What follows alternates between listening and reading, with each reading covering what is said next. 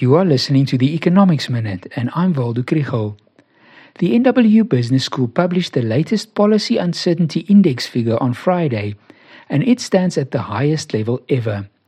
Policy uncertainty is when there is uncertainty about government policy or its consequences. The examples are unfortunately plentiful. For example, is the South African government committed to the transition to renewable energy? Which is largely generated by the private sector, or do they still see a big role for Eskom and coal in the future?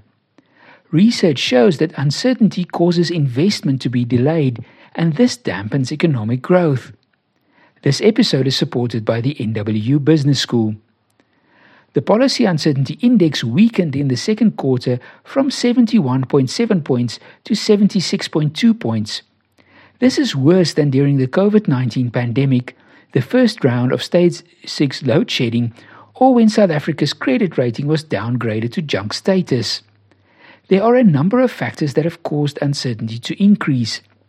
Electricity supply is one aspect. The President is negotiating for funding for green energy.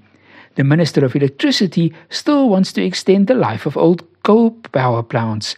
And the Minister of Minerals and Energy has yet to announce the new integrated resource plan. The other is South Africa's non aligned position in the war in Ukraine and the clash it is causing with Western powers. Will President Putin come to the next BRICS summit? Are we going to remain part of AGOA? Can we profitably export new BMW X3s to the US without AGOA? So you can go on to talk further about the funding for the national health insurance or the bailout for the post office.